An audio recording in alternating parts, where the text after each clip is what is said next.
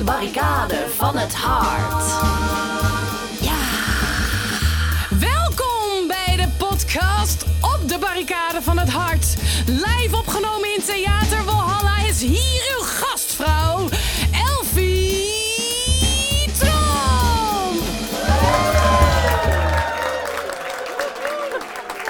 Nou, wat leuk. Welkom, welkom. Welkom aan de lieve mensen in de zaal en de leuke mensen thuis. Want dit is een theatershow in wording en een podcast die is begonnen bij het verlangen om het ultieme protestlied voor deze tijd te schrijven. En de komende maanden eh, en afgelopen maanden heb ik werksessies met artiesten gehad die niet alleen bijzonder en mooi, maar ook heel belangrijk werk maken. En ik krijg zo een kijkje in de keuken van het maakproces en ik neem de luisteraar daarin mee. En daarnaast hebben we ook later dit uur een verdiepende column over eh, nou, dit alles door protestliederen-expert Laurens Ham. En aan de grondslag van deze podcast, ik zei het eigenlijk al, ja, het verlangen om een ultiem protestlied voor deze tijd te maken. Want nou ja, het is u misschien al opgevallen, er is nogal wat aan de hand in de wereld momenteel. En ehm, nou, ik weet niet hoe het met u zit, maar ik ben het niet mee eens met het meeste. Eigenlijk, ja, ik heb dat uh, proberen te verwoorden de afgelopen jaren als schrijver, als opiniemaker. En um, daarmee uh, heb ik, uh, nou ja, ik weet niet of dat ik iets teweeg heb gebracht, behalve in ieder geval veel mensen boos gemaakt. En nu probeer ik. Ze zitten vandaag niet in de zaal, dat valt dan weer mee. Um, maar nu probeer ik door middel van een protestlied schrijven mensen te raken in het hart. Want ik heb een idee dat muziek eigenlijk die ratio omzeilt en recht in het hart kan raken mits het goed is natuurlijk. En dat laat ik aan jullie over. Goed, uh, maar voordat we dat lied gaan laten horen, ga ik samen met een gast de diepte in van zijn of haar werk en werkwijze. En we hebben het over dat chique woord engagement. Waarom doe je wat je doet en wat voor invloed heeft dat op de wereld? En dat zijn grote vragen, inderdaad. En het is met deze podcastopname een beetje uh, zoals het echte leven. We gaan ons best doen en we zien wel waar we komen. Goed, mijn gast van vandaag maakt niet alleen prachtige intieme liedjes en heeft een stem die kippenvel commandeert, maar ze heeft de macht van de liefde. Zodra je haar hoort, raakt ze je. En zodra je haar ziet, wil je blijven kijken. Eva van Manen is een Amsterdamse artiest, songwriter, dichter en producer, die met haar debuutalbum Politiek en Liefde stijlen als rap en gitaarpop moeiteloos ineenvlecht en in haar teksten onderzoekt waar politiek en, ja jawel, liefde elkaar raken. Op haar tweede album, De Diepte In, gaat ze verder met haar zoektocht. Niet alleen muzikaal, maar ook persoonlijk. Ze stelt grote levensvragen en maakt die moeiteloos klein en persoonlijk. En nu is ze hier in al haar grootse menselijkheid. Mag ik een hartelijk applaus voor Eva van Manen en haar band.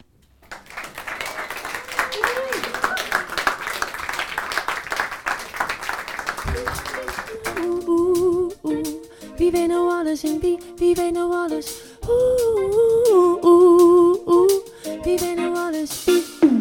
Ik vind er ook wat van. Ik zeg het maar meteen, dan weet je dit alvast. Betekent niet dat ik er niet over heb nagedacht. Hoe meer ik denk, hoe minder ik weet. Want ik hoor al je gedachten als je voor me staat en je paard doorgebijt dezelfde woorden, schat dezelfde stories. Shit is boring, het gaat maar door en door en door. Jij zegt zo weinig voor hoeveel je praat. En zeg maar liever waar het op staat. Wie weet nou alles en wie, wie weet nou alles, wie, wie weet nou alles. Oeh, oeh, oeh, oeh, oeh. Wie weet nou alles en wie, wie weet nou alles. Oeh, oeh, oeh, oeh. Wie weet nou alles en wie. Ik vind er ook wat van, maar mijn mond als ik weet dat ik het niet beter kan. Nee, je grond een beetje voordat je een zaadje plant. Leef gewoon en laat gewoon leven. Want ik hoor al je gedachten als je voor me staat en je paard doorgebijt dezelfde woorden, schat dezelfde stories. Shit is boring, het gaat maar door, door, door. Veel te graag, je zegt zo weinig voor hoeveel je praat. En zeg me liever waar het op staat. Wie weet nou alles en wie, wie weet nou alles, wie, wie weet nou alles.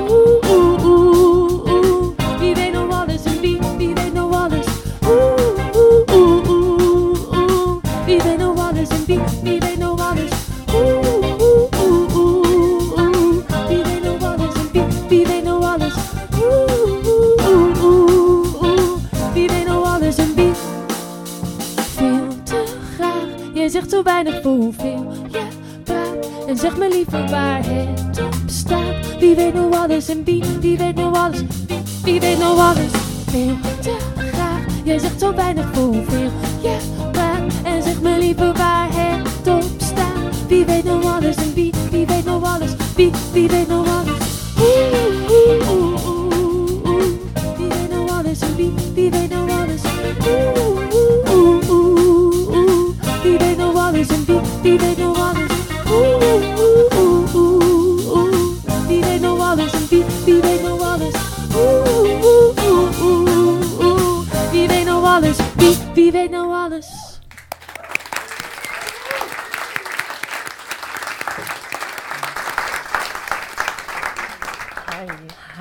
Eva. Ja, wie weet nou alles. Ehm, ik heb inmiddels drie werksessies met je gehad, dus ik weet wel dat je in ieder geval veel weet.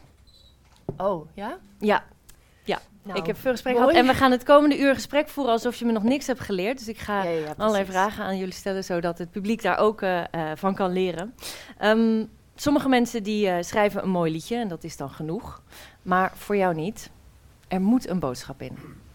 Ehm, ja, ja. Eh, ik zat hier wel over na te denken en eh, van tevoren of ik dat dan vind. En ehm, ik denk dat het gewoon uit een soort intrinsieke wereld vandaan komt. En dat het wel altijd zo is dat alles wat ik een soort van opvang met sensoren, wat er speelt in de wereld om ons heen, dat dat mij dan heel erg iets doet of raakt. En vanuit daar moet het dan daar, daarover gaan of zo. Maar we hadden het ook in de auto hier naartoe over dat je soms hebt in deze tijd, in deze wereld, dat heel vaak bijna verwacht worden dat we heel erg iets vinden. Of dat we ja, heel erg meegaan in bepaalde stromingen van mensen die in bepaalde ja, hoeken zitten. En dat is wel interessant of zo, hoe je daar dan weer toe verhoudt. Als je op Instagram hebt dat je dan soort van verwacht wordt bijna dat je bepaalde dingen die gebeuren, iemand wordt gecanceld. En dan wordt er verwacht, of jij zit thuis en je denkt, ja, ik moet dit eigenlijk reposten of ga ik dat dan doen? Wordt dat van mij verwacht? Ben ik in die hoek dat ik dat dan moet reposten? En daar zit een soort van gek gebied voor mij in eh, op het moment over, oh ja, ga je daar dan naartoe schrijven? Of schrijf je iets omdat jij dat voelt en een beetje, ja, een soort gevoel van hier tot hier je lijf of van hier tot hier krijgt. eh, maar dat is dan bij mij vaak zo. En dan, dan doet iets meer eh, eh, iets. En dan ga ik te raden waarom dan en waar zit dat dan en wat voel ik daar dan bij. En dan komt dat in die muziek terecht. Ja, is dat een is- goed antwoord? dat is- er is geen fout antwoord in feite, dus dat is het goede nieuws.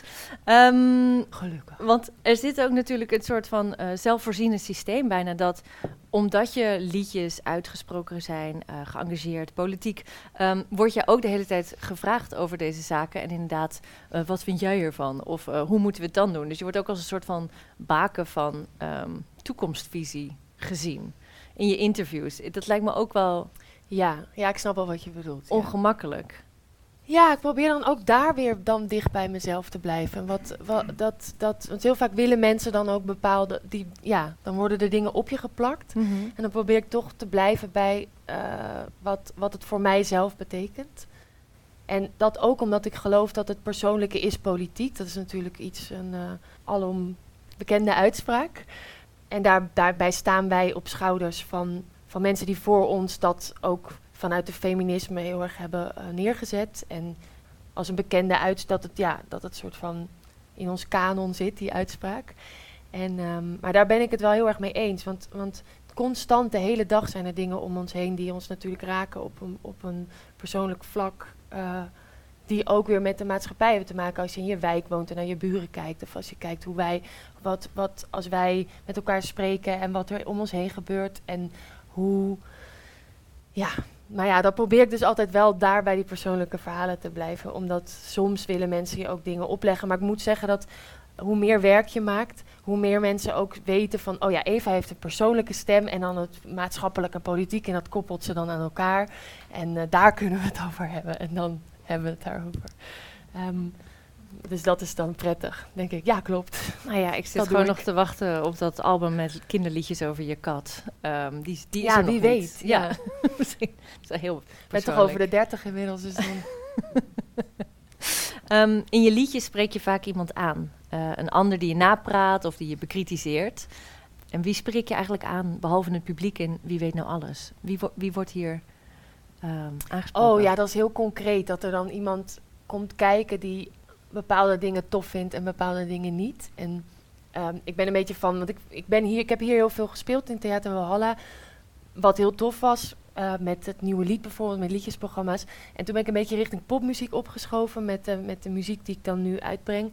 En ehm, daar heb je ook weer dat, dat het best wel wordt geregeerd, de muziek en de popmuziek, door bepaalde figuren en de gatekeepers van die industrie. En wie er bepaalt wat leuk is en wat tof is en wat niet. En eh, daar was iemand en die was komen kijken en die had dan meteen zo- zo'n best wel oordelend stukje tekst, zonder dan te weten wie ik ben of een soort van te verdiepen in de teksten. En, en toen dacht ik, ja, en dan komt dat eruit en dan, en dan schrijf je zoiets. Dus dat is gewoon heel concreet een aanleiding. Maar we, we kennen wel allemaal toch die figuren van, eh, eh, van wie weet er nou alles. Ja, het is een goede ook. Iemand die doet alsof, je, alsof diegene alles weet. En het is goed misschien om jezelf nederig te houden ook. Eh, want ja, als je geëngageerd bent, als je uitgesproken mening hebt, he- heb je ook misschien de neiging om snel mensen te corrigeren of te zeggen: nee, nee, nee, nee, nee, het zit zo anders. Heb jij dat? Ja, waarschijnlijk wel. Eh, in de tekst staat in ieder geval wel eh, de zin die mij heel erg raakte. Ken je grond een beetje voordat je een zaadje plant. Je zegt zo weinig voor hoeveel je praat. En dat vond ik zo'n fantastische typering, want we kennen allemaal iemand die zo uit zijn nek lult in feite. Hè? Ehm, en ik dacht, hoe kom je daar? Hoe kom je van zo'n specifieke aanleiding, van zo'n, nou ja, ik weet niet of dat een recent was of iemand met een mening, ehm, naar een soort universele zeggingskracht? Ehm, door het uit de anekdote te trekken. Dus ik probeer altijd wel, dan heb je een anekdote. Sommige nummers zijn ook echt een verhaal. Dat begint bij twee mensen die in een auto stappen, die een andere huidskleur hebben. En die hebben dan een gesprek daarover wat heel ongemakkelijk is. En dat is dan het lied. Ehm, maar toch probeer ik dan altijd wel op een gegeven moment in een nummer, dus dan kom je bij een bridge uit. En, eh, en liedjes zijn heel prettig, want ze hebben een bepaald ritme, ze hebben een tempo, ze hebben mineur of majeur, ze kunnen grimmig zijn of, of open en vrolijk. En dat is heel fijn aan liedjes, dat het, dat het je bepaalde structuren al geeft. En zo heb je ook dat coupletten verhalender zijn en dan is een refrein meestal een soort van uitgezoomd of een soort van één kernboodschap. En de bridge is dan nog meer, daar kan je ook lekker in uitzoomen door het dan weer wat universeler te maken. Ehm, ja, ik weet niet, dat, dat, dat probeer ik dan altijd om het, om het uit de privé-anekdote te halen en het dan te laten spreken voor meer situaties die daarop lijken, eigenlijk. Ja. ja. Ehm, je beweegt je op meerdere vlakken. Je komt uit de theaterwereld. Je hebt ook een theateropleiding gedaan en bent meer inderdaad op het popcircuit gegaan. Hoe, ehm, en daarna ben je poëzie gaan schrijven ook. Eh, daar wil ik het zo nog over hebben. Maar hoe verschilt het theaterpubliek met inderdaad het poppodiumpubliek? Waar mensen staan, Nou, waar ze dynamischer kijken. zijn. Nu vandaag zitten we natuurlijk in het theater stil, eh, braaf te luisteren. Maar ik denk, verandert dat je schrijven ook? Eh, moet je directer zijn? Moet je helderder Ja. formuleren misschien? Ik heb de- hier ligt mijn tweede album De Diepte in. En dat zijn wel iets meer liedjes met wat minder tekst. Of dat was de poging daarbij, omdat op Politiek en Liefde, mijn eerste album, stonden echt veel lappen tekst. En dan ging ik dat in popzalen spelen. En dan had je dat mensen een soort van vermoeid waren. Want dan stonden ze daar en dan wilden ze dansen of zo. En ze vonden het ook wel boeiend. Maar dat, dat kunnen ze echt aan voor een soort van één liedje. En dan drie liedjes die een beetje dansbaar zijn. En ehm, eh, dus dat heeft het wel. Dus toen dacht ik, oké, dat wil ik heel graag. Dus dan wil ik met de band, met, eh, met Jordi en Rory en Lito is er dan bij de bassist. Die is er nu niet, maar die eh, speelt dan ook mee als we met de band spelen. En dan, ja, om het dan gewoon ook zo te maken dat mensen gaan dansen. En, en binnen dat kader van het poppodium eh, ook als muziek er naar kunnen luisteren, heeft dat wel. Die hoeft minder te zeggen, omdat de muziek, de zeggingskracht van deze muzikanten die zo goed spelen, is gewoon zo groot dat er dan ook ehm, zo'n stuk tekst kan ingezet. Ik wijs nu voor de luisteraars een couplet aan. Dat is dit. Oké, dus Zo dit. en nu maakt het wel een grapje dat we een A4'tje aan Zo groot als een- alles uitleggen. Zo. Zo groot als een middelgrote cactus. Ja, Ja, oké. duidelijk. en hoe is dat voor jou, ehm, dat er gedanst wordt op je boodschap, als het ware? Dat is te gek. Ja. En met de tour hadden we het nu zo gedaan dat we dan dat een beetje opbouwden. En dan dansbare nummers. En dan stonden mensen helemaal te dansen. En dan daarna eh, was er een rustig nummer met wel veel tekst. En die gedichten hebben we zelfs er doorheen gevlochten. En dan ja, is het opeens heel geconcentreerd. Staat iedereen helemaal te luisteren. En dan op, ja, zoals politiek en liefde met elkaar te maken hebben, wilde ik, ben ik ook altijd op zoek naar hoe het hoofd en het hart soort van met elkaar eh, communiceren. En mm, dat muziek, soms is theater en theaterpubliek is ook best hoofdelijk. Dus dat gaat best wel zo naar binnen in het hoofd. En dan wordt dat daarna ervaren of je gaat er reflecterend kijken en over nadenken. En popmuziek is iets meer dat je er bent en door die lichten en de show een soort van meegenomen wilt worden. En dat je dan daarna misschien daarover na gaat denken. Dus dat vind ik heel leuk om mee te spelen. Dat dan die twee dingen in één programma gestopt kunnen worden. Reflectie en... Reflectie en gewoon het loslaten. En eh, soms dan zitten we namelijk ook zo... Ik kan, doordat ik heel erg verantwoordelijkheidsgevoel heb... naar de wereld om me heen, de maatschappij...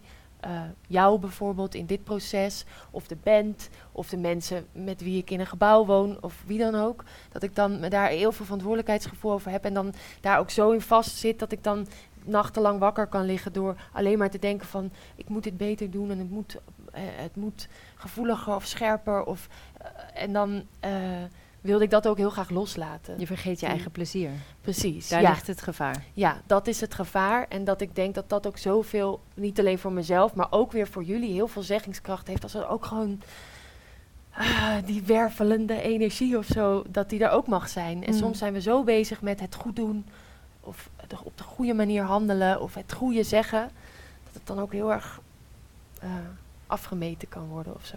En dat dat een beetje verdwijnt. Ja. Ja. Als er iets is wat ik heb geleerd in dit proces met meerdere artiesten, is eh, hoeveel eerbied ik heb gekregen, wat ik al had, eh, maar nog meer voor het schrijven van een lied, hoeveel tijd het kost. Ehm, ik kom zelf van het schrijven van romans ehm, en langere stukken tekst. Dus ik dacht, ah, een lied dat, dat is zo kort, dat heb je zo geformuleerd. Nou, dat viel tegen. Maar ehm, jij bent van liedteksten ook poëzie gaan schrijven in de corona-lockdown. Eh, hoe zijn we hier gekomen? Jij kreeg in de eerste golf zelf corona, nog ongevaccineerd. Was er heel ziek van. Was ook nog, we wisten nog helemaal niks. We hadden nog geen regels. Of hoe gaan we om? Hoe lang moet de quarantaine duren? En jij begon teksten te schrijven die gedichten werden. En eh, in een eerder gesprek zei je: poëzie is eigenlijk de espresso van de taal. En dat vond ik heel, heel mooi. Kun jij iets eh, vertellen of het vergelijken van het schrijfproces van een gedicht met een songtekst? Ja, eh, ik denk dat in een songtekst dat die gevoelswereld of dat, dat, dat die muzikale wereld ook een beetje gebakken zit in de vorm. Dus dat een refrein heeft heel veel herhaling. En dan kan je zo, omdat we verder gaan, omdat we verder gaan, dat is dan een refrein en dat gaat dan heel vaak. En dan vinden mensen dat heel mooi. Terwijl als je in, in een gedichtenbundel zo vaak ehm, eh, die zin drukt, dat kan. Maar als je dat bij elk gedicht doet, dan, dan denk je wel, ja. dus, dus daarom ook die gedachte van, oh ja, je kan eigenlijk nog geconcentreerder eh, uitkoken. Al dit vocht eruit koken, wat dan in die, in die muziek dan misschien nog erin zit. Of die espresso maken. En dan eh, is de lezer echt gewoon puur daarop gefocust. En het begrijpen en vatten van die eh, van poëzie is gewoon een eh, bezigheid op zich. Zonder dat er allemaal muziek bij zit en zo. Dus ehm, inderdaad, het gaat over COVID hebben, maar ook over een tijdscapsule, wat dat was. Want we zaten allemaal binnen en ik nog iets extremer, omdat ik ook ja, alleen woonde en er niemand bij me kon komen twee maanden lang. En een soort van. eh, eh, ik met mijn kat een hele goede band heb gekregen, want dat was mijn gezelschap. Maar ehm, dat ik door die capsule van tijd eigenlijk. eh, en dat was ook in de zomer van Black Lives Matter. En dat kwam via Instagram binnen. En ehm, wat ik probeer te doen in mijn tekst is altijd verbanden leggen tussen het verleden en de toekomst. Of hoe we de toekomst willen zien en hoe we, waar we nu in zitten. En ik kon gewoon in die periode ook geen muziek maken of wat dan ook. Dus het was ook heel lekker om met de energie die ik had dan gewoon taal te kunnen maken. Want dat lukte dan wel. Maar het was ook heel lekker omdat het voor mij soort metafoor was van waar we nu sowieso in zitten. Van zo'n moment. Zo voelt het heel erg dat het een moment is die afgebakend is, waarin je allemaal keuzes kunt maken van gaan we die systemen die we hebben, die ook heel verrot zijn en waardoor we ehm, er ongelijkheid is. En racisme en seksisme en al dat soort dingen waar, we- waar, waar nu heel veel ophef, zeker toen in 2020 over was. Eh, dat is ook een soort capsule door die COVID en doordat dat stil kwam te liggen. ehm, waar je dan kan zeggen, ja, hoe zijn we hier gekomen en hoe gaan we verder? En eh, kan dit een kantelpunt zijn of zo? Dus daar ging dat over. Maar dan hoeft er geen refrein bij en geen melodie. En de band is er niet, dus dat maakt het dan heel anders. Ja, Maar je hebt hem ook op muziek gezet, want je treedt op met je gedichten.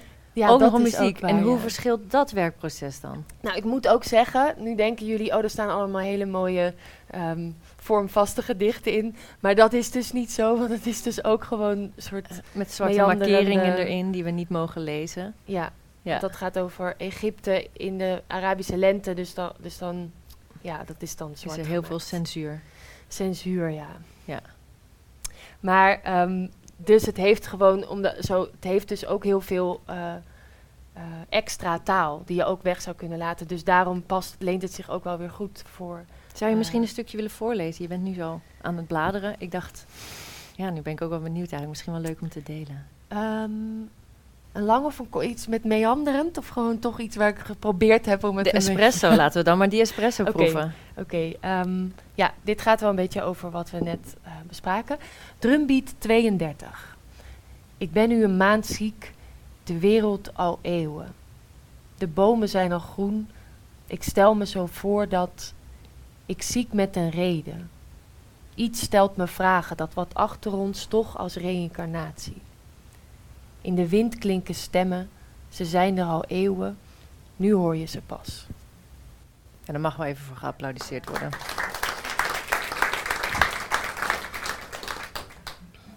Ik wil het met je hebben over geweldloos communiceren en vragen stellen.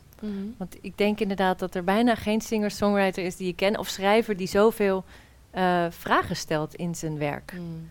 Zelfs de titel Hoe zijn we hier gekomen? Wie weet nou alles? Ehm, Wij kunnen de vragen, eh, de titels met vragen ook niet echt meer uit elkaar houden. Zitten zo, wie wil je, wie weet nou alles, wie wil je zijn, wie ben ik? kun je dat zelf verklaren? Of is dat gewoon wat het is? Punt. Andere mensen werken met een uitroepteken. Jij werkt met een vraagteken. Nou, ik probeer wel heel vaak, oh ja, je vroeg ook van tot wie richt je je dan boven het Mm. publiek, maar ik probeer altijd me voor te stellen dat je tot één iemand richt, of gewoon tot, mens, tot mensen, maar toch tot een individu. En dan vind ik het om echt contact te kunnen maken en te begrijpen wie iemand is, en ook de verschillen te, te, te zien, maar misschien nog niet helemaal te snappen, denk ik dat het heel belangrijk en evident is om dus te vragen van wat voel je dan, wie wil je dan zijn, wat denk jij dan, Eh, hoe ben jij hier gekomen, weet ik veel, zo dat soort vragen, dat dan te zeggen, jij bent hier zo gekomen, want dat weten we ook heel vaak niet. Dus om verder te komen in heel veel vragen die ik ook mezelf stel en maatschappelijke vragen, is het volgens mij gewoon super belangrijk om, eh, ja, dat is echt niet nieuw wat ik zeg, want het is natuurlijk dat heel veel theatermakers dat ook zeggen, maar dat, eh, ja, dat, dat, dat, de vraag stellen, oh, waarom raakt je dit dan? Of, oh, wat bedoel je daar dan mee? Of hoe is dat dan voor jou? Dat is volgens, voor mij heel erg hoe we verder komen. Veel meer een uitnodiging tot reflectie dan te zeggen: dit is niet hoe het moet. Ja, maar ik denk Hmm. ook dat het soms heel interessant kan zijn om dat wel te doen. Maar wie weet, volgend, volgend album. Het zit zo. Ja, ik kan niet wachten. Sowieso, ehm, eh, jaren geleden traden we al een keer op eh, op hetzelfde podium. En eh, dat was de eerste keer dat ik jou zag. En er gebeurde iets met het publiek. Namelijk, jij kwam op en ze gingen allemaal naar voren zitten. En toen ging je zingen, zacht zingen. En iedereen kwam nog verder naar voren. En ik dacht, wauw, deze magie, ik, ik moet dit ook leren. Ik wil dit, hoe, hoe, weet je wel, wat, mijn ervaring is dat mensen toch eerder achteruit leunen. En zo, nou, we eens even kijken wat dat meisje kan. Ehm, en dus ik vroeg aan jou, hoe, hoe doe je dat? En toen zei je een, een, een waarheid als een koe. Nou ja, het geheim van zacht zingen is dat je niet hard zingt. Ja. ja, Ja, ja, dat is het wel, ja. ja. Nou ja, ik, heb- ik heb al je werk beluisterd. En ehm, je zegt best wel stellige dingen, best wel harde uithalen soms. Maar zonder dat je je stem verheft, zonder dat je in een sneer vervalt. Moet je je dat inhouden? Is dat bewust? Of is het echt natuurlijk bij jou dat je gewoon echt nooit je stem verheft? Nou, ja, ik, ik zou dat soms ook wel prettig vinden, maar, ik, maar ik, weet niet eens waar, ik weet niet eens waar te beginnen, joh. Waar dat zit in mij. Want ik, maar het komt natuurlijk ook door je karakter en deels Hmm. door hoe je opgroeit en door, ja, ik weet niet. Het Want waar zit voor jou de kracht van zacht zingen? Ja, in dat het. Ik denk dat ik het wel ben gaan leren door met Spinvis te werken. Want die heeft dat natuurlijk ook best wel. Die zet dan de microfoon heel hard als hij opneemt. En dan zegt hij zo: Ik ben een vrouw van 40 met een. Maar doordat hij zo zacht zingt, ga je ook een beetje zo: hè, wat zegt hij nou allemaal? En, en dat maakt het wel heel interessant. Want als je, als, je, als je dat heel hard zou doen, dan doet dat ook iets met je. Want dan ga je inderdaad achterover leunen en denken: Oh, nou, het wordt me allemaal verteld. Dus dat vind ik er interessant aan. Maar als artiest kies je ervoor om een deel van je zangpalet niet te gebruiken. Is dat zonde? Ah joh, maar ik kan helemaal niet zo goed. Ik kan niet belten of heel hard zingen of zo. Dat kan ik ook helemaal niet. Weet je, dat vind ik zo heerlijk ook om te horen. Want ik leid een beetje ook aan het idol-syndroom. Dat je denkt, ja, maar ik kan geen Mariah Carey uithalen, dus dan kan ik niet zingen. Ja, ja, precies. Maar Ja. dat hoef- hoeft echt niet. Oké, Dat doet zij wel. fijn. Ja, ja. Ik zag jezelf twee vragen stellen aan jezelf eh, op je social media deze maand. Wie wil ik zijn? En hoe neem je die ruimte in voor wie je wil zijn? En ik vroeg me eigenlijk af of dat je op die twee vragen eigenlijk al zelf al antwoord had. Wie zou jij willen zijn en hoe neem je die ruimte daarvoor in? Ja, dat is zo'n moeilijke vraag, want het verandert natuurlijk ook constant.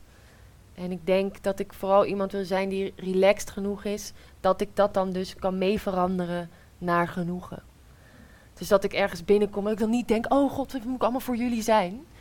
Want wie kan ik voor je zijn is een nummer van, die, van dat eerste album. Dat gaat er heel erg over van wie kan ik voor jou zijn? Ja. En de vraag dat dat mislukt. Want, want als ik niet ben wie ik ben en niet zeg, ik vind dat niet zo lekker om te eten, maar ik vind dat wel heel lekker. En je bent met iemand en je zegt nee, maar wat wil jij eten? Ik vind het allemaal lekker en wat jij wil. Dan verdwijn je ook zelf een beetje. Nu leg ik eh, voor het eerst de link ehm, Wie kan ik voor je zijn is van het eerste album. En het nieuwe nummer Wie, wie wil je zijn? Is dat een antwoord ook daarop? Nee, niet echt, maar het is natuurlijk wel een soort ontwikkeling die ik dan noodgedwongen ook meemaak in het leven. En eh, daar komt dat dan uit voort, denk ik. Zou je het voor ons willen spelen? Wie is wil goed, je zijn? Oké, Ik heb het wel warm gekregen, dus ik zeg, eh, trek even dit jasje ik snap het. hey, jongens.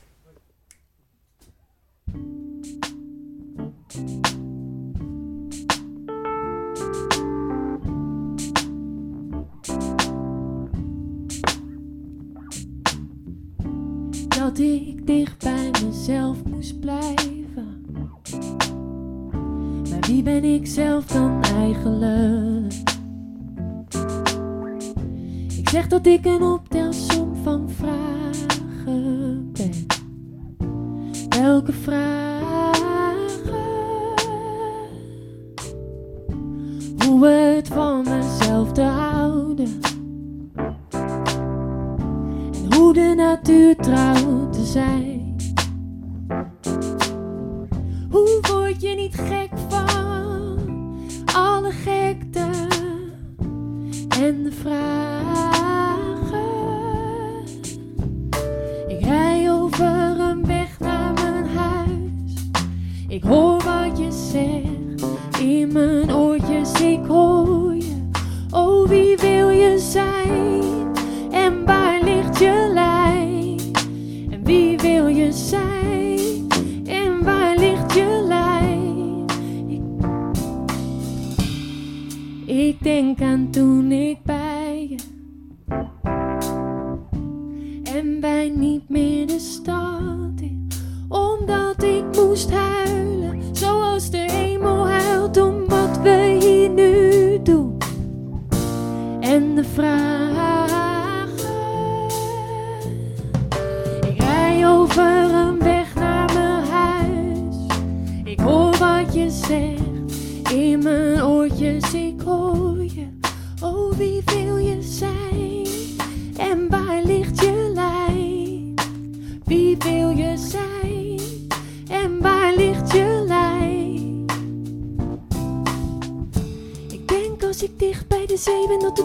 Alsof ik thuis ben. Ik oplos in gefluister Van het ruisen van de golven en de wind. En ik mezelf weer vind.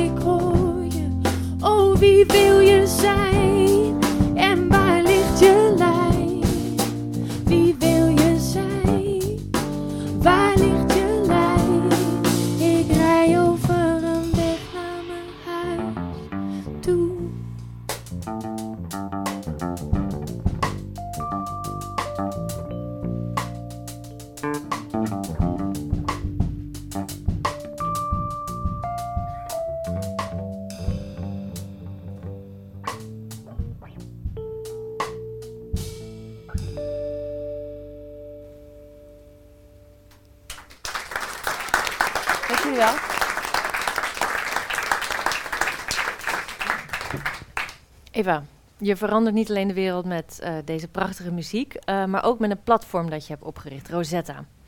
Eh, je leidt mensen op daarmee die niet automatisch een plek vinden in de muziekindustrie.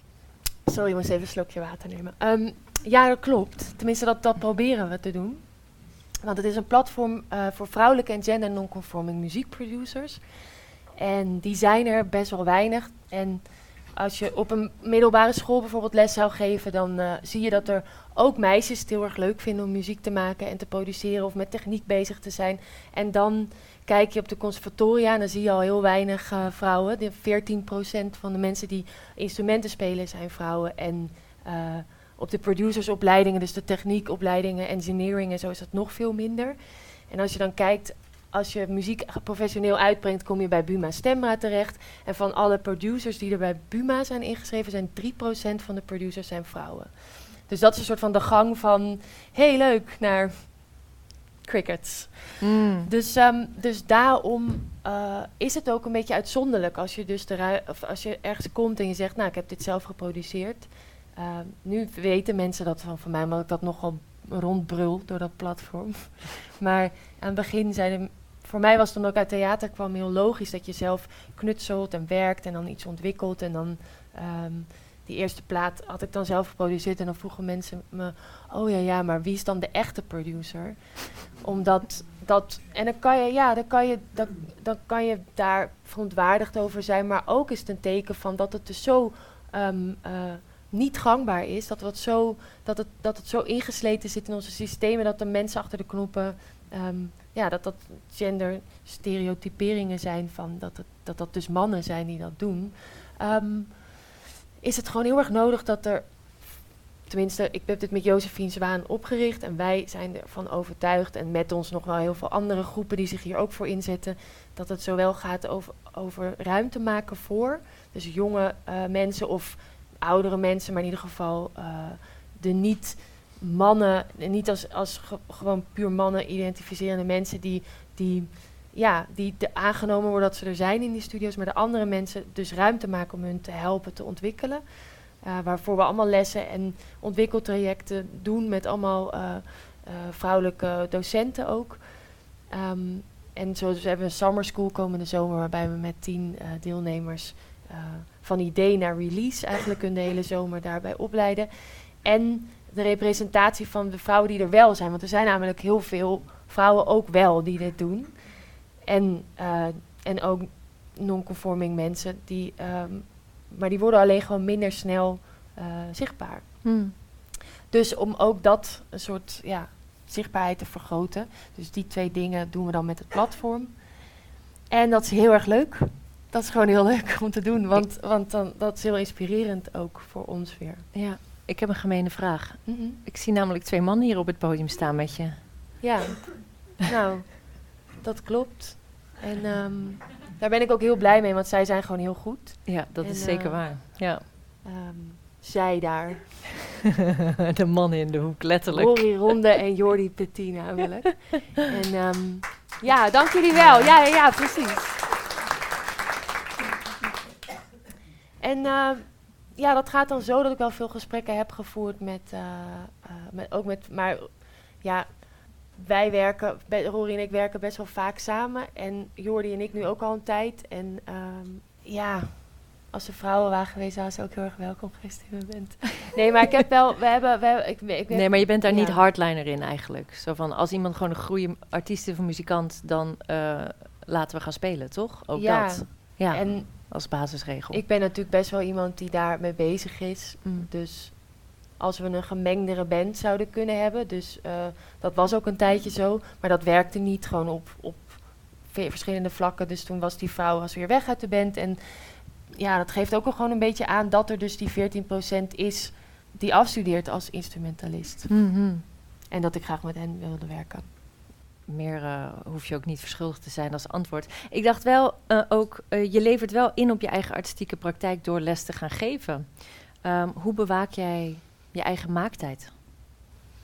Ja, nou het idee is ook wel, ik geef niet alle lessen hoor met Rosetta, want we hebben dus, we hebben mensen die dan bij ons vorige keer bijvoorbeeld de summer school hebben gedaan, die geven dan de basisworkshops, dus Mhm. voor echte starters en jonge mensen die net zijn afgestudeerd van, het, van de engineering opleiding of zo, die geven dan die lessen. En in de summer school geef ik zelf één les, dus ik probeer dat gewoon te beperken.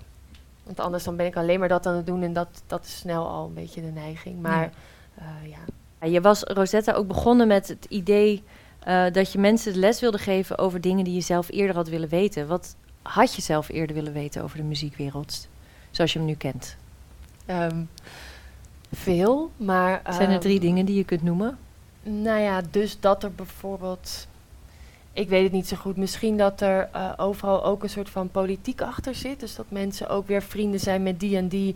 En dat, het, en dat je dan denkt, weet je, je zou echt op, eh, op Lowlands moeten staan. En dat je dan denkt, ja, klopt. Maar ehm, bijvoorbeeld, dat denk ik dan.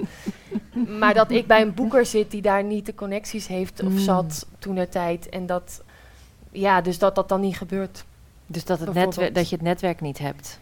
Nou ja, dat, dat, dat er overal een soort van mensen en personen zijn die dan mm, de mensen waar zij baat bij hebben ruimte geven of zo. Of, of de plek geven of, eh, of wat dan ook.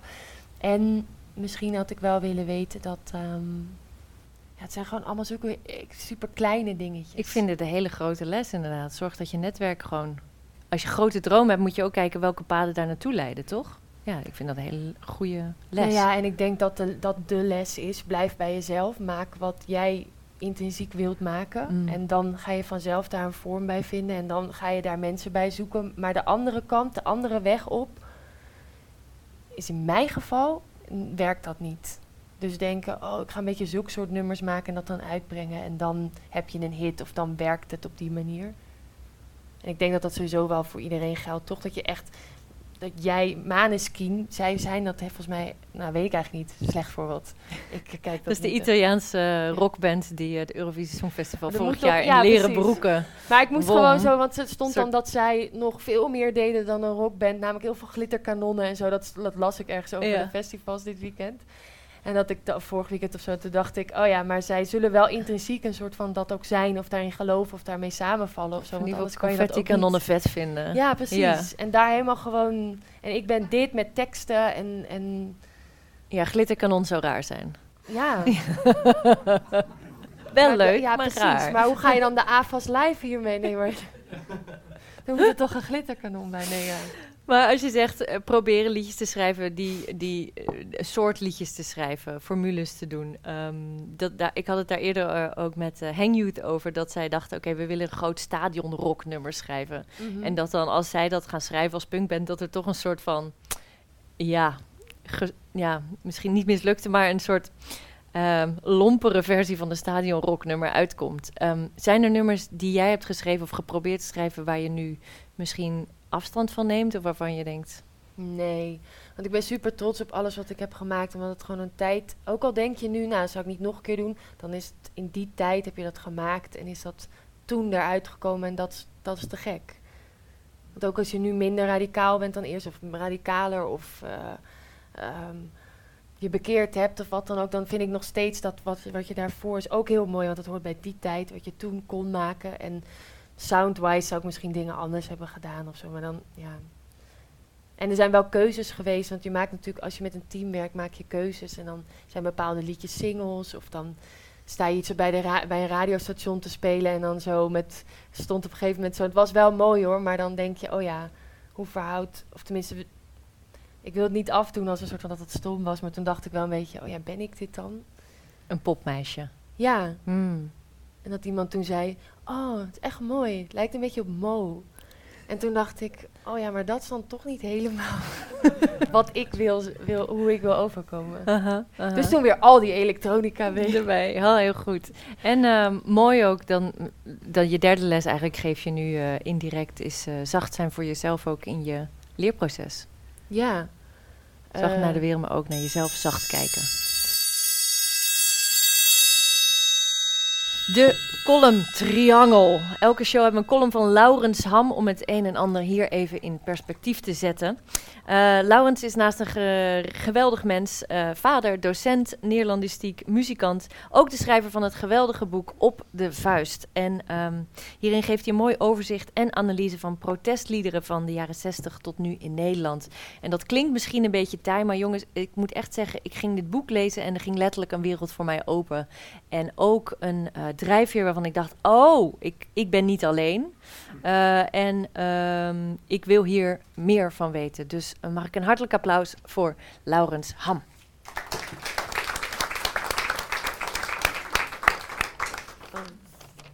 Ik, jullie, wij allemaal, we zijn luie kunstconsumenten.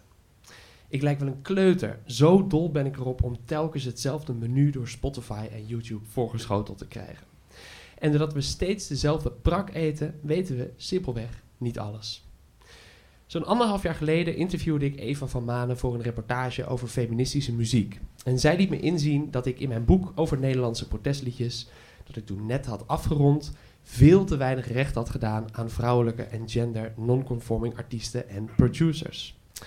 Dat er in het boek nog best wat vrouwelijke artiesten terecht waren gekomen, dat kwam doordat ik hard mijn best had gedaan om ze erin te krijgen. Zo zag ik dat. Zonder helemaal door te hebben dat ik daarmee klonk als een VVD'er die plechtig verkondigt dat er weinig vrouwen op de kieslijst staan, op de kieslijst staan, omdat, citaat, die er nu eenmaal niet zijn. Wat als het probleem nou eens niet ligt bij de beschikbare mensen, maar bij jouw manier van zoeken? Laten we eens andere kaders voorop stellen. Dan blijkt de macht in de muziekwereld langzaamaan steeds minder om witte heteroseksuele mannen te draaien en steeds vaker om mensen die zichzelf buiten die hokjes plaatsen. Het Nederlandstalige queer duo Lionstorm, dat ik dan dankzij Eva leerde kennen, is daar een heel mooi voorbeeld van.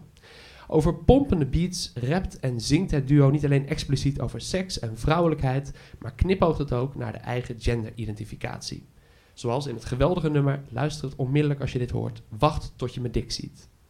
Mocht je denken dat Lionstorm als zelfbewust LHBT-kopstuk in de popmuziek van de Lage Landen alleen staat, lees dan het vrij recente boek De Lage Landen uit de kast van de Vlaamse muzikant en eh, muziekkenner Philip Moens. Deze publicist die bespreekt tientallen LHBT-muzikanten uit Nederland en Vlaanderen en van vele zul je ongetwijfeld nog nooit gehoord hebben. Maar wat mijn gesprek met Eva ook duidelijk maakte, was dat het niet alleen om de artiesten draait, maar ook om alle andere bouwsteentjes in de muziekwereld. Wie produceert de muziek? Wie brengt haar uit? Wie schrijft erover? Het is niet genoeg om vrouwelijke artiesten te tellen en dan te denken dat we inclusief bezig zijn. Het is pas voldoende als op alle cruciale plekken in de kunstwereld mensen gerepresenteerd zijn met de meest uiteenlopende achtergronden. Ho, maar wacht even, hoor ik nu mensen denken. Het gaat toch om kwaliteit en niet om de identiteit van de maker. Dank voor deze originele tegenwerping.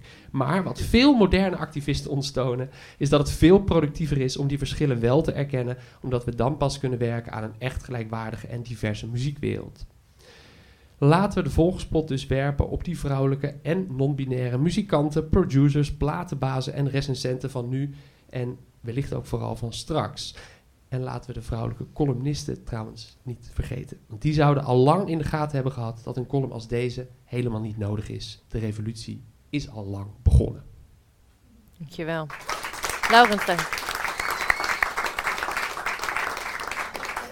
Laurens, ik heb ook een gemene vraag aan jou. Yes. Is dit eigenlijk jouw manier om sorry te zeggen tegen Eva? Ehm, niet zozeer tegen Eva, maar ik merkte wel dat ik. eh, het was een soort realisatie achteraf, echt dat ik misschien vanuit verkeerde kaders of zo gekeken had in het boek. En dat die kaders dus ook heel bepalend waren geweest voor het soort hoofdstukken dat ik had geschreven. En wat dat betreft denk ik dat ik, het, dat ik nu dingen weer zou omvormen en anders zou aanpakken. En een van de dingen waar ik al mee worstelde tijdens het schrijven, maar waar ik zeker achteraf van denk dat is niet helemaal gelukt, is dat het altijd heel moeilijk is om wanneer je over mensen van kleur schrijft, eh, als witte man vooral, over wanneer je schrijft over, eh, over vrouwelijke artiesten of zo, om die dan niet in een apart hoofdstuk te zetten. hè. Dat is een bekend probleem ook in de literatuurwetenschap waar ik uitkom. En het is heel moeilijk om dat te doorbreken. En daar ben ik een klein beetje op sommige hoofdstukken in geslaagd, maar sommige hoofdstukken ook helemaal niet. En daar baal ik achteraf wel een beetje van. Dus misschien zou je het verhaal ook heel anders kunnen schrijven. The future is female is een eh, veel gebezigde slogan. Ehm, voel jij dat ook zo, Laurens, met al het onderzoek dat je doet en hebt gedaan? Ja, ik denk sowieso dat heel veel van de ehm, interessante muzikanten die je nu hebt zijn vrouwen. Heel veel, ik, ben, ik schrijf veel over eh, poëzie en literatuur. Nou ja, bijna alle goede jongere mensen die ik las de afgelopen jaren waren vrouwen. Dat is vrij extreem. In de poëzie is het zelfs zo dat mannen min of meer zijn weggevaagd door... eh, ook vrijwel alle prijswinnaars van de afgelopen jaren waren vrouwen. En volgens mij terecht, want ik denk dat die mannen het niet, niet verdiend hadden, laten we zo zeggen. Eh, en ik heb nu voor mezelf ook een soort doel gesteld om altijd eerst een, niet een witte man te lezen. Dus in principe heb ik de laatste, het laatste jaar bijna geen witte mannen meer eh, gelezen. Eh, super verfrissend en heel fijn, omdat je ineens denkt, oh wacht. Er zijn wel mensen die buiten die hokjes vallen. Alleen je moet het soort van durven erkennen dat dat een probleem is. En durven erkennen bij jezelf. Ik ga die proberen die luiken open te zetten. Of opener te zetten of zo. Ehm dankjewel, Laurens. Ehm, wat herinner jij je nog van het gesprek met Laurens? Anderhalf jaar geleden. Ja, wat dat we het hierover hebben gehad. Maar ik zit ook een beetje zo te luisteren, een beetje te voelen van wat er nou, ehm, ja, dit eh, gewoon alles en, en mooie column wa- waarvoor dank. Maar de vraag van of het, of het ook een verontschuldiging is of een, of een excuus. Ik denk dat, ehm, ik herinner me vooral dat het een en-en was. Dus dat er dingen zijn en een prachtig boek over wat er allemaal is gemaakt. En daarbij ook zijn er ook vrouwelijke engineers en toffe producers en nieuwe gender non-conforming producers sinds we dat of non-binaire m- makers of ehm, maar ook de vraag van ik zie alleen maar mannen. Ik zat daar nog een soort van op de op de kouwen op die vraag, Mm. want ik dacht eigenlijk wil ik dat helemaal niet. Een soort van mij gaan ver- verontschuldigen over dat je hier niet alleen maar vrouwen ziet. Nee. Want zij zijn geweldig. ja? En ik zou niet zeggen van je moet niet met hen spelen, want het zijn mannen. Ik denk dat de- future is female. Dat is zeker een soort van goede toevoeging voor de toekomst. Maar ik denk toch ook dat het echt wel gemengd is of zo. Want anders, wij hadden het er ook net over in de auto. We hadden een lange autorit kennelijk. Maar wij hadden het erover dat het over het framen van de woke mensen. Daar hadden wij het over. Mm. Dus dat, dus dat gewoon in een split second is het gebeurd. Ergens in de afgelopen, nou, maanden. Ik weet niet wanneer het gebeurde. Maar ineens was het een scheldwoord. En werd het zo geframed, de woke mensen. Mm. En kwam er een serie uit, Ik Woke van jou. En waren alle woke mensen een beetje het met elkaar eens. En dan waren ze allemaal maar een beetje zo... In ieder geval wordt het dan heel erg gezien als iets negatiefs. En alsof woke mensen... Want dat is nu een begrip waarvan je denkt, ja, woke mensen. Terwijl dat gewoon een, een begrip was om aan te duiden dat er een soort bewustzijns... eh, was, zonder dat dat, dat, zonder een negatieve connotatie, maar die is er nu. En, dan, en dan is het zo van, die mensen zijn allemaal tegen iets. Maar met Rosetta bijvoorbeeld, als ik gewoon even vanuit mezelf spreek, zijn wij heel erg voor iets. Namelijk dat er meer ruimte komt voor eh, vrouwen en gender non-conforming makers, die nu soms worden aangekeken van, oh ja, eh, ga jij ook aan de knopjes zitten, of doe maar, laat maar even meisje, ik stel het wel in, of weet je wel in welk gaatje de, de ding moet. Want dat, en dat is niet onaardig bedoeld, maar dat is gewoon een soort systeem waar we in zitten. En ik ben ervoor dat dat, dat, dat weggaat. Kunnen we het ehm, aanpassen naar de toekomst is voor iedereen? Nou ja, dat zou, daar ben ik best wel voor. Want hoe, want hoe is het anders voor... eh, ja, hoe blijft dat dan hangen? Zo van de vraag van... Ja, jij bent geen vrouw. Waarom drum jij hier eigenlijk? Dat Ja. is dan... Dat is dan en ik snap wel... Ik snap dat we... Dat we, dat we ja, precies. en ik snap het, hè, dat we Mhm. bezig zijn met doelen te bereiken en daarom even moeten zeggen, hé, hey, dit is kut. Het is kut dat wij gemarginaliseerd worden of zijn, of dat, het, of dat we ons onprettig voelen, dat er eh, intimidatie is, machtsmisbruik, dat er de voice en dat hele verhaal, dat is gewoon super kut en dat moet anders. Maar, dat, maar ja, dat, dat, ga- ja, dat is toch belangrijk dat het, dat het zo is. Dat, dat ik niet wil dat alle studio's met alleen maar vrouwen en alleen maar non-binaire mensen en dat alle mannen weg moeten blijven. Dat is natuurlijk niet waar we naartoe willen. Ik ben heel blij dat je deze vraag hebt gesteld, want je bent bijna je stem aan het verheffen, Eva. Ja, precies. nou, kan het dus toch. I love this fire. Heel goed, dankjewel. dankjewel. Ja, nou je ja. hebt een heel goed punt gemaakt. Nee, absoluut. Je hebt helemaal gelijk. Ehm, laten we het hebben over de werksessies die we hebben gehad. Want ehm, je hebt mij een vraag gesteld die ik ontzettend goed vond en slim. Ehm, namelijk, ehm, je zei begin met het schrijven aan een brief aan iemand die je eigenlijk eh, niet durft te schrijven. En vertel hem de waarheid. Dat vond ik zo'n slimme opdracht. Stel je jezelf ook nog steeds die opdracht? Of waarom gaf je me die opdracht? Misschien is dat een goede vraag. Mm, nou, omdat ik wel denk dat als je iets aan het maken en schrijven bent, en zeker een lied, dat het heel, heel leuk is voor de luisteraar als je eerlijk bent.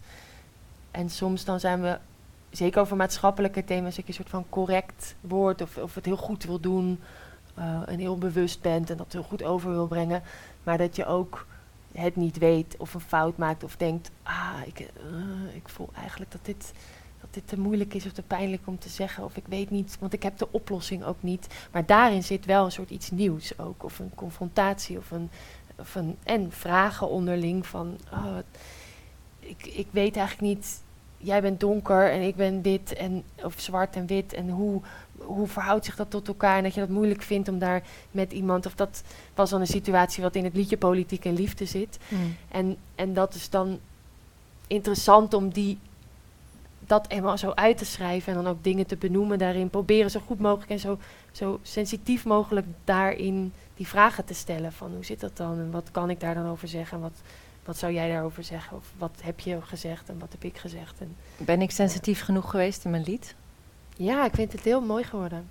Ik eh, begin klamme handen te krijgen, dus zullen we hem gewoon Ah, gaan spelen? ja, is goed. Dat is een goed teken, toch? Ja, oké.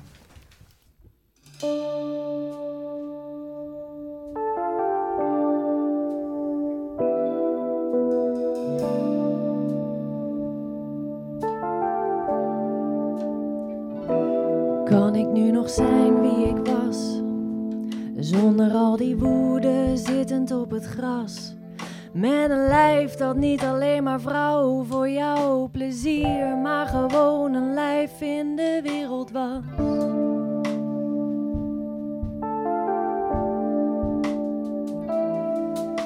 Mijn tante die als meisje in de bosjes werd getrokken. Het bekende wijsje, ach ze zal wel jokken. Hoe ze daarna riep op een ritje door de wijk.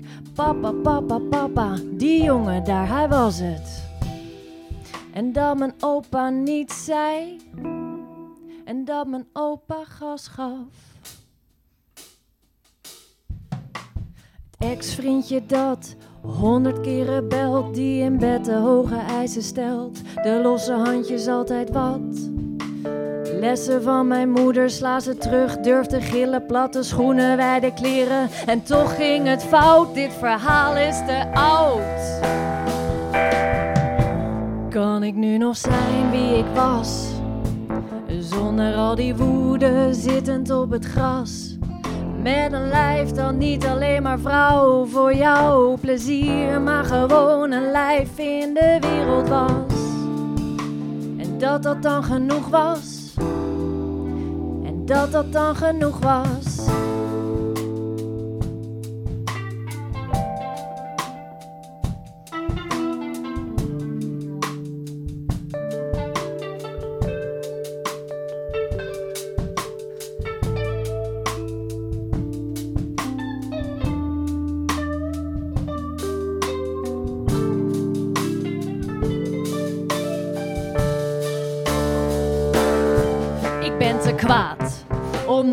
Sprookjes te geloven. En de liefde is onttoverd. Ben geen land dat moet veroverd. Want wat blijft hier van mij over? En waar is mijn rode lover? Het is te laat.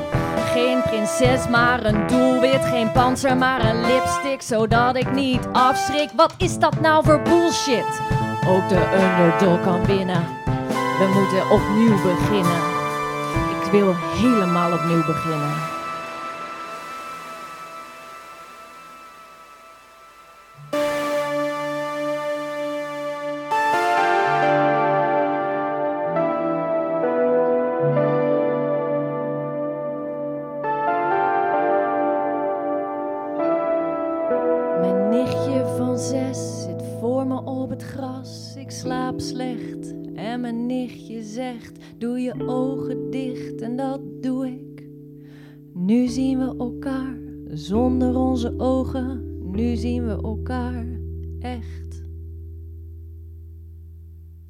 Dankjewel.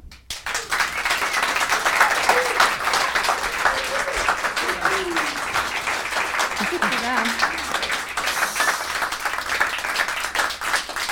En ehm wauw, dit was echt heel eh, fijn om dit te doen. En nu wil ik jullie achterlaten, of in ieder geval nog even wat extra even van maanden geven. Dus eh the Thanks, stage is yours.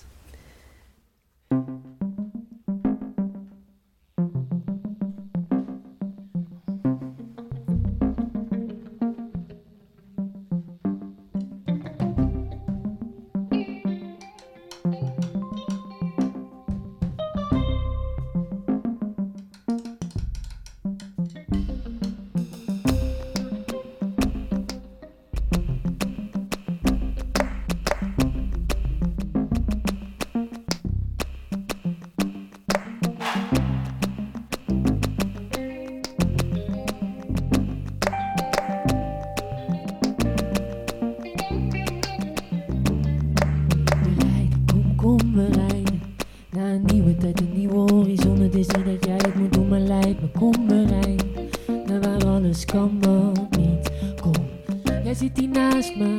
We praten, lichten, voor ons in het zicht. Bewegen naar vooruitgang. Ook al lijken zoveel mensen tegen. We praten, systemen, je baas, moren, wat voor ons in de tijd. Maar wie geschiedenis geschreven bepaalt wat zie je en wat hoor je. Als ik mijn huid kon vervangen als een slang, vervel ik wie ik ben. Terug in het paradijs, niet die rip. Het wit en het wissen, de sporen, de schuld, de geschiedenisles. Ben weer 16, levensbeschouwing in een klas. Bijbel in de vitrine en plaatjes zien. Jezus als die acteur uit de Lord of the Rings, Christian Bale. Maar in elk geval niet Michael B. Jordan of Chadwick Boseman. Ik hoor je, hey, we rijden, kom, kom, we rijden. Naar een nieuwe tijd, een nieuwe horizon. Het is niet dat jij het moet doen, maar lijkt me. Kom maar rijden. Zie hoe de zon verdwijnt als je een tunnel rijdt. Kom, kom bereid. Kom, Naar een nieuwe tijd, een nieuwe horizon. Het is niet dat jij doen, maar lijkt me. Bereid. Naar waar alles kan, maar niet. Kom. In ons eigen paradijs lig jij op bed en kijk naar basketbal. Wil je nog uitgaan? Zeg niet dat we stromen, dat we ergens komen. Is dat enkel wat ze willen, dat we zien misschien? Fuck, weer een jongen uit de wijk van 17 dood. Zoveel leven niet gezien. Zie hoe de media de haat en dit probleem enkel dat van de straat maakt. In plaats van te kijken waar elke lijn naar terug gaat. Is dit angst om te verliezen? Angst voor wie er staan, kijken laat op straat. Angst voordat ze s'avonds samen voor de phone staan. Angst die bitter voor de moeders. Angst dat we doorgaan en ergens voor zijn. We rijden, kom, kom, we rijden. Naar een nieuwe tijd, een nieuwe horizon. Het is hier dat jij het moet doen, maar lijkt. Kom, we rijden. Zie hoe de zon verdwijnt als je een tunnel in rijdt. Kom, kom, we rijden. Kom, kom, we rijden. Naar een nieuwe tijd, een nieuwe horizon. Het is hier dat jij het moet doen, maar lijkt. Naar waar alles kan, maar niet. Kom. In ons eigen paradijs lig jij op bed en kijk naar basketbal. Wil je nog uitgaan en zeg niet dat we stomen, dat we ergens komen. Is dat enkel wat ze willen, dat we zien misschien?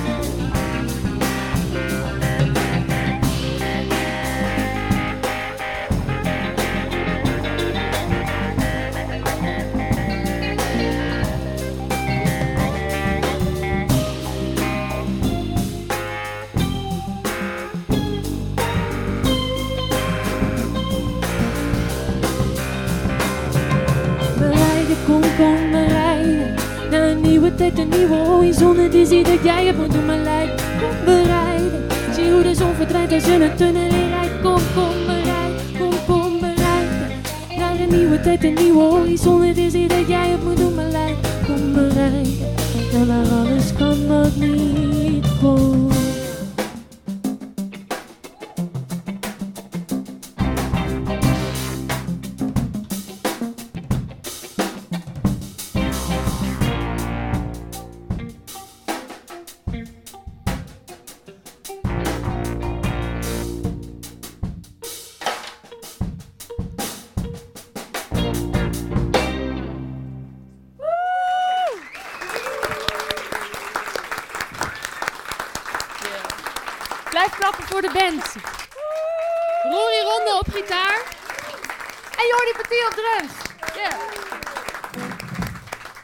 Ehm, dit is alweer het laatste liedje wat we spelen.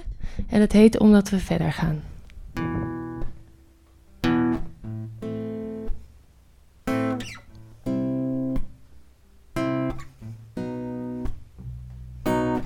Metro's rijden door de nacht voorbij, ik wacht op iets. Ik heb het opgeschreven, maar weer doorgekrast. Last van de last, ik wacht op iets. Jij kijkt me aan en zegt dat ik wel de woorden heb. Als ik zeg dat nu ik steeds beter weet wat mijn mening is, steeds meer in de stilte wegglijd. Je hebt gelijk, richting overkomt je niet, je kiest ervoor welke zet, welke deur je open doet. Na elke keuze leef je door, alles stroomt binnen oevers die je zelf bouwt. Kijk ik in de spiegel, zie ik klasse, kleur, een voorkeur. Maar vannacht droomde ik alles in negatief, hup hup, wisseltuk. Hoe zou het zijn geweest als alles andersom was gelopen? Wie zou er dan in de PC hoofd kopen? Waren de grenzen, waren ze open? Had een ander in de scheepvaart voorop gelopen? Hoe was het hier dan gelopen? Ik zing dit voor jou, omdat we verder gaan, omdat we verder gaan van nu af aan. Ik zing dit voor jou, omdat we verder gaan, omdat we verder gaan van nu af aan. Maar het zijn niet die dromen die mij verwarren, zijn juist de speeches van overdag die niets anders brengen dan verwarring en angst. Ze zeggen minder, minder kan je niet normaal doen, ga je maar weer terug naar je eigen land. Stop de pers, stop de tijd. Elke stap vooruit blijkt de twee achteruit te zijn. Was het niet dit, nooit meer, nooit meer oorlog of wat zegt men ook alweer? Wij herdenken monumenten met name, je bent niet een nummer. Geloof nog, je woont dat zo schuldig en toch het gebeurde, wij keurden het af. Maar wel pas achteraf toen het te laat was en toch is dat weten ons gegeven. Herinner je je afkeer van toen je nog klein was? Op reis naar Berlijn was, jij Anne Frank las en dacht, maar zij heeft toch niets gedaan. Ik zing dit voor jou, omdat we verder gaan, omdat we verder gaan van nu af aan. Ik zing dit voor jou, omdat we verder gaan, omdat we verder gaan van nu af aan. Ik kom uit een land van achter de bergen waar het vrij spelen was, waar ook echt het ergste was wat we konden doen toen in de zesde klas. Ik wilde ook zo jas als dat meisje, weet je nog, mam, naar een nieuwe school waar ik wel vrienden had. Ik wilde op de ander lijken. Ik wilde jazzmuzikant of Maria uit de West Side Story zijn. I like to be in America. Everything's free in America. We renden als bezetenen heen en weer verkleed als die vrouwen. Die vrouwen die wilden ik zijn. Zonder iets te weten van hun verhaal. Of angst of pijn. Of dat ik me nu zou schamen en ze muren zouden bouwen. En ik toevallig hier aan de goede kant. Maar laat me je voortaan herkennen. Want ik ben wie ik ben en ik ken je niet. Maar ik geloof in een land tussen oud land en nieuw land. Waar wij op weg zijn van nu af aan. van nu af aan, van nu af aan. Ik zing dit voor jou, omdat we verder gaan, omdat we verder gaan, van nu af aan. Eh, eh, eh. Ik zing dit voor jou, omdat we verder gaan, omdat we verder gaan, van nu af aan. Zing ik dit voor jou.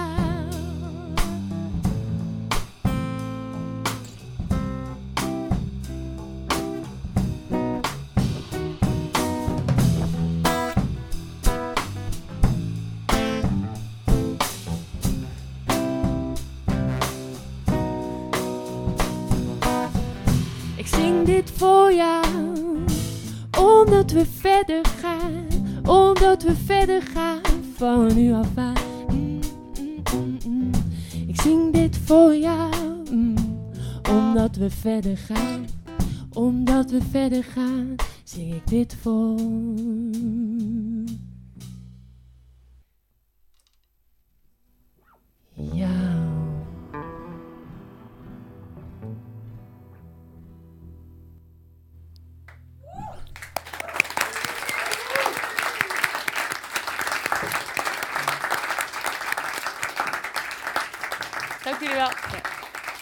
Eva van Manen, Rory Ronde, Jordi Petit, lieve mensen. Dankjewel, dankjewel. En Elfie Trom. Niet te vergeten. Ehm, dan zijn we voor nu eh, bij de zomerstop van Op de Barricade van het Hart aangekomen. Eh, maar dat betekent niet dat we voorbij zijn. Als u het mooi vond, u kunt uh, oudere afleveringen terugluisteren op alle podcastkanalen. En dan ook sterren geven en reviews. Ehm, en we zijn... En delen, dat kan natuurlijk ook altijd. Eh, met je vrienden, familie, tantes, uh, oud-tantes, weet ik het. Uh, liefdes en haters. Um, en um, na de zomer zijn we terug uh, met nog een aflevering met Flip Norman. En deze podcastserie is de basis voor een nieuw liedjesprogramma... waarmee ik vanaf februari volgend jaar in de theater sta. Dus uh, ook daar uh, kunt u zich op uh, informeren, abonneren via mijn social media of website. of wat zeg je? Of verheugen. Nou, dat hopelijk vooral. uh, voor nu, dankjewel en tot snel. En uh, geniet van elkaar, geniet van de zomer. Champagne.